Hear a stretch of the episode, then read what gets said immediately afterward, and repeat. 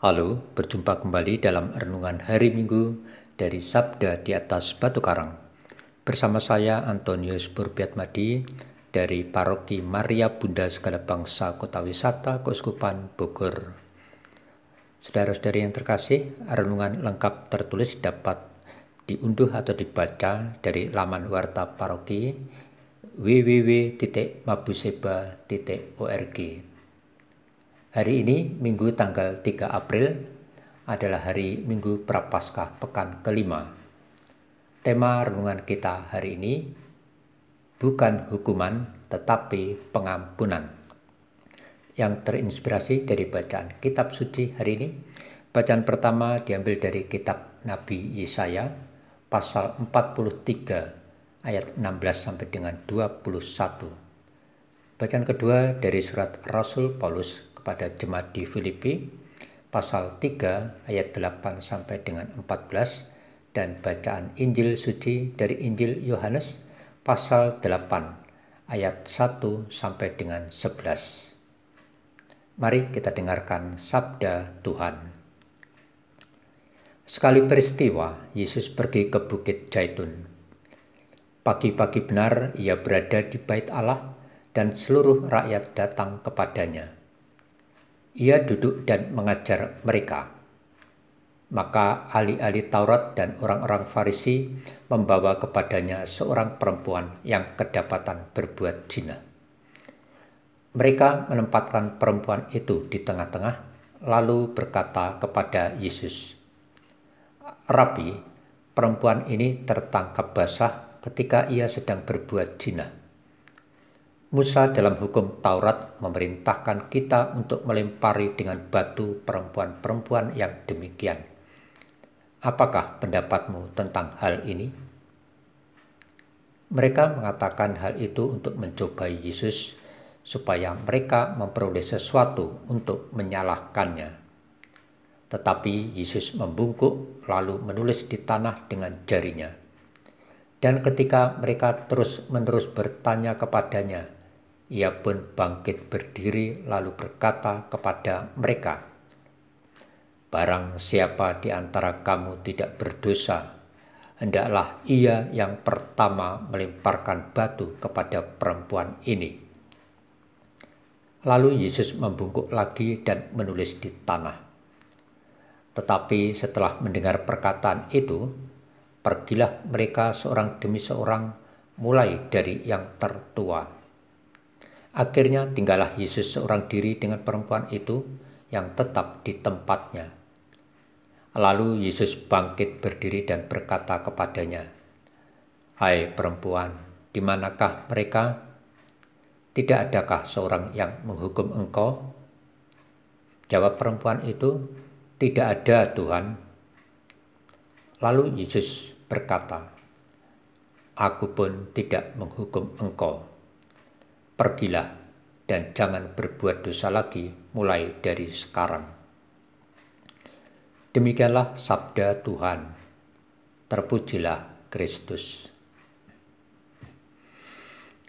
Saudara-saudari yang terkasih, rasanya kita mudah sekali menghakimi atau memberi cap negatif terhadap orang lain. Orang yang suka menghakimi sesamanya dan senang melihat orang lain dihukum pada dasarnya adalah orang yang belum mengalami kasih dan pengampunan dari Allah. Kalau kita memang berperilaku demikian, maka sejatinya kita mirip dengan orang-orang Farisi dan ahli Taurat yang digambarkan dalam bacaan Injil pada hari Minggu Prapaskah pekan kelima ini. Kepada Yesus, mereka menghadapkan seorang perempuan yang kedapatan berzina dan mereka hendak mencobai Yesus Bagaimana tanggapan Yesus terhadap kasus perempuan tersebut?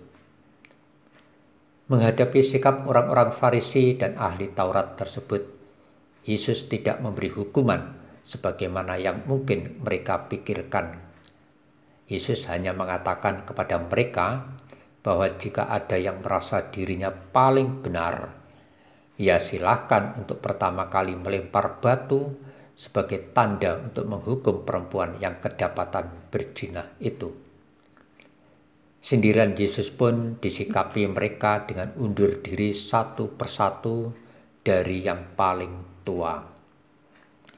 Saudara-saudari yang terkasih, apa yang dilakukan oleh Yesus terhadap orang Farisi dan ahli Taurat itu hendak menunjukkan bahwa kehadirannya di dunia ini adalah untuk menebus umat manusia yang berdosa. Seperti kepada perempuan itu, Yesus datang ke dunia tidak untuk menghukum orang yang selayaknya dihukum dan tidak diampuni, tetapi Yesus justru menuntunnya ke jalan pertobatan atau memperoleh pengampunan dari Allah. Kepada perempuan itu, Yesus berkata, "Dosamu sudah diampuni." Itu tidak menegaskan kepada kita bahwa kita dituntut untuk bertobat dan memperoleh pengampunan dari Tuhan yang membawa keselamatan hidup kita. Saudara-saudari yang terkasih, gambaran yang sama dari buah pertobatan dapat kita lihat dalam bacaan pertama, di mana karena belas kasih Allah kepada umatnya, Allah memberikan sesuatu yang baru kepada bangsa Israel, yaitu masa baru dengan pengampunan, berkat, pemulihan dan kehadiran Allah. Saudara-saudari yang terkasih, sabda Tuhan pada hari Minggu Prapaskah pekan kelima ini membawa pesan iman bagi kita untuk meninggalkan kehidupan keberdosaan kita dan beralih ke dalam kehidupan baru dalam Kristus.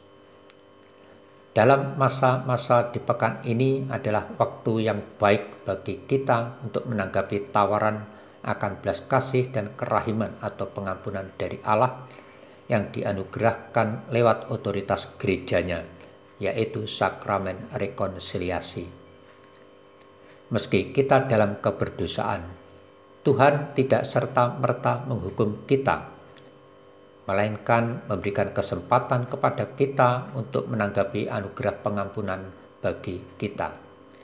Seperti kepada perempuan itu, Tuhan menuntut kita untuk hidup dalam kebenarannya. Jangan berbuat dosa lagi mulai sekarang.